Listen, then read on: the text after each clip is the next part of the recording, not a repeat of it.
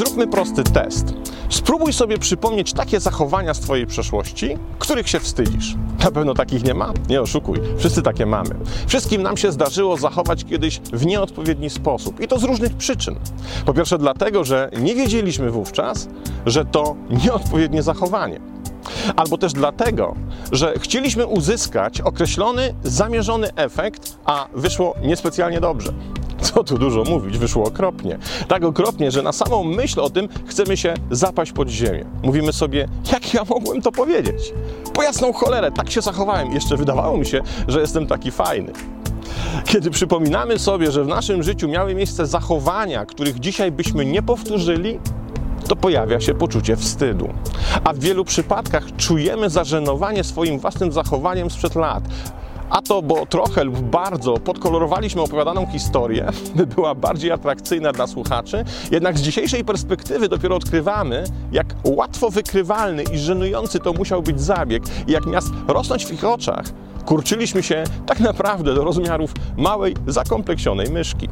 Albo też, kiedy chcieliśmy zrobić dobre wrażenie, udając, że się na czymś znamy, coś potrafimy, w czymś jesteśmy dobrzy, i kiedy oczywiste kłamstwo wychodziło na jaw, miażdżąc nasze poczucie własnej wartości. Albo też w sytuacji, kiedy potraktowaliśmy kogoś naprawdę nieadekwatnie do tego, w jaki sposób na to zasługiwał, i kiedy się zorientowaliśmy, było już za późno, żeby odwrócić bieg spraw. Takich przypadków można mnożyć, a zdarzają się każdemu z nas, czy chcemy się do tego przyznawać, czy też nie, ponieważ właśnie tak wygląda nasze życie. Potknięcia są jego częścią, dokładnie tak samo jak to, że czasem zrobiliśmy z siebie kompletnego idiotę.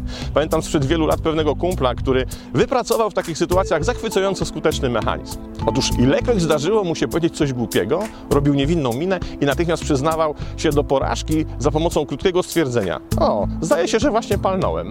Po czym wybuchał rozbrajającym śmiechem. To genialne rozwiązanie, jednak problem w tym, że większość ludzi nie jest w stanie z niego skorzystać, ponieważ kiedy coś rzeczywiście palną, nie potrafią się do tego przyznać za żadne skarby świata. A palnięcie czegoś głupiego jest tak samo naturalne, jak wszelkie inne życiowe czynności. Zdarza się każdemu i nie trzeba, by to udowodnić, przeprowadzać żadnego skomplikowanego naukowego wywodu. Zamiast tego wystarczy włączyć telewizor. Problem jednak nie w tym, by w życiu nic głupiego nie zrobić, ale w tym, by się czegoś nauczyć z tego faktu, zamiast się tym zadręczać.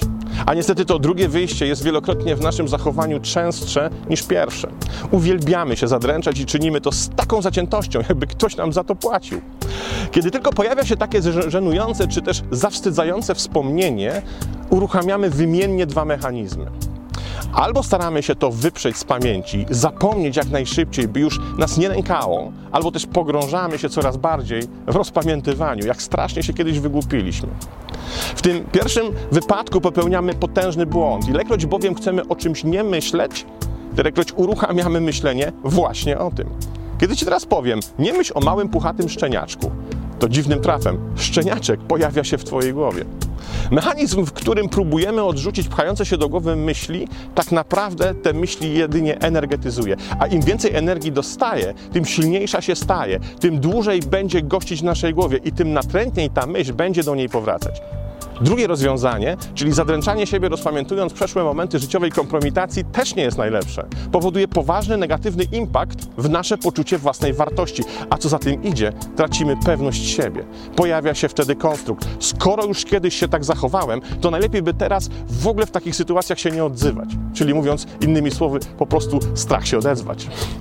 Nie ma chyba nic gorszego, co moglibyśmy sami sobie zrobić, posiłkując się taką właśnie strategią.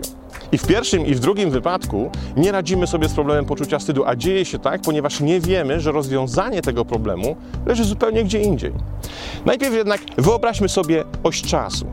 Oto przeszłość, przyszłość i teraźniejszość, czyli ten moment, w którym właśnie się znajdujemy.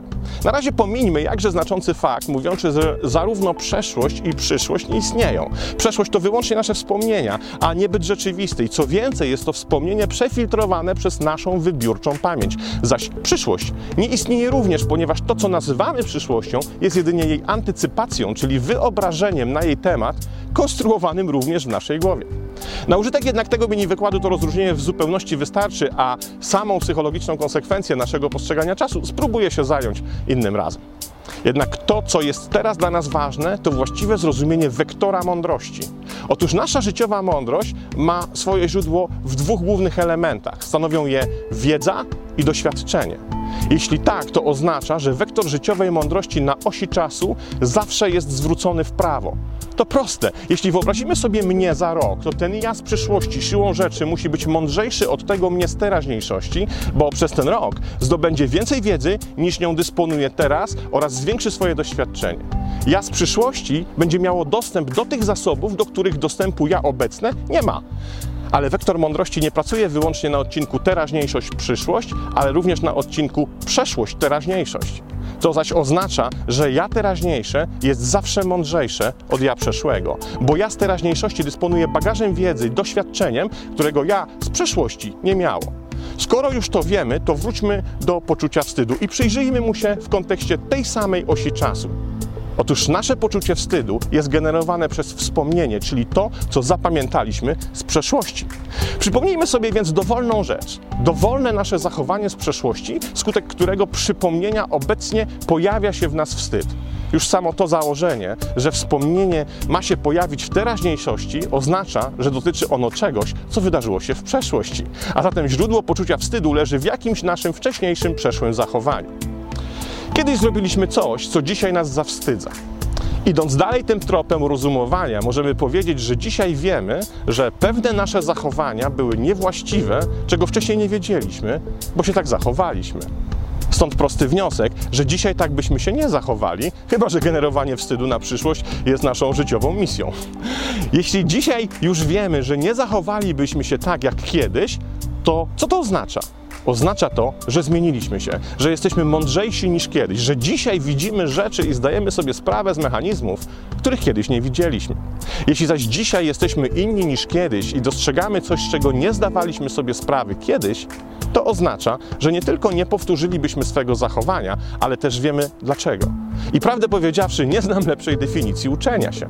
Nauczyliśmy się, czego nie robić, a to jest tak samo cenna nauka, jak nauczenie się tego, co należy robić. Jeśli więc dzisiaj wiesz już, jak się nie chcesz zachować, to znaczy, że odebrałeś z własnego życia bezcenną lekcję, bo każda lekcja, która powiększa naszą życiową mądrość i powoduje, że wzrastamy, jest po prostu bezcenna. Jeśli by tak nie było, to z biegiem lat zachowywalibyśmy się coraz głupiej, coraz bardziej nieroztropnie i robilibyśmy z siebie idiotów coraz częściej. Tak się jednak nie dzieje, a przynajmniej nie powinno dziać.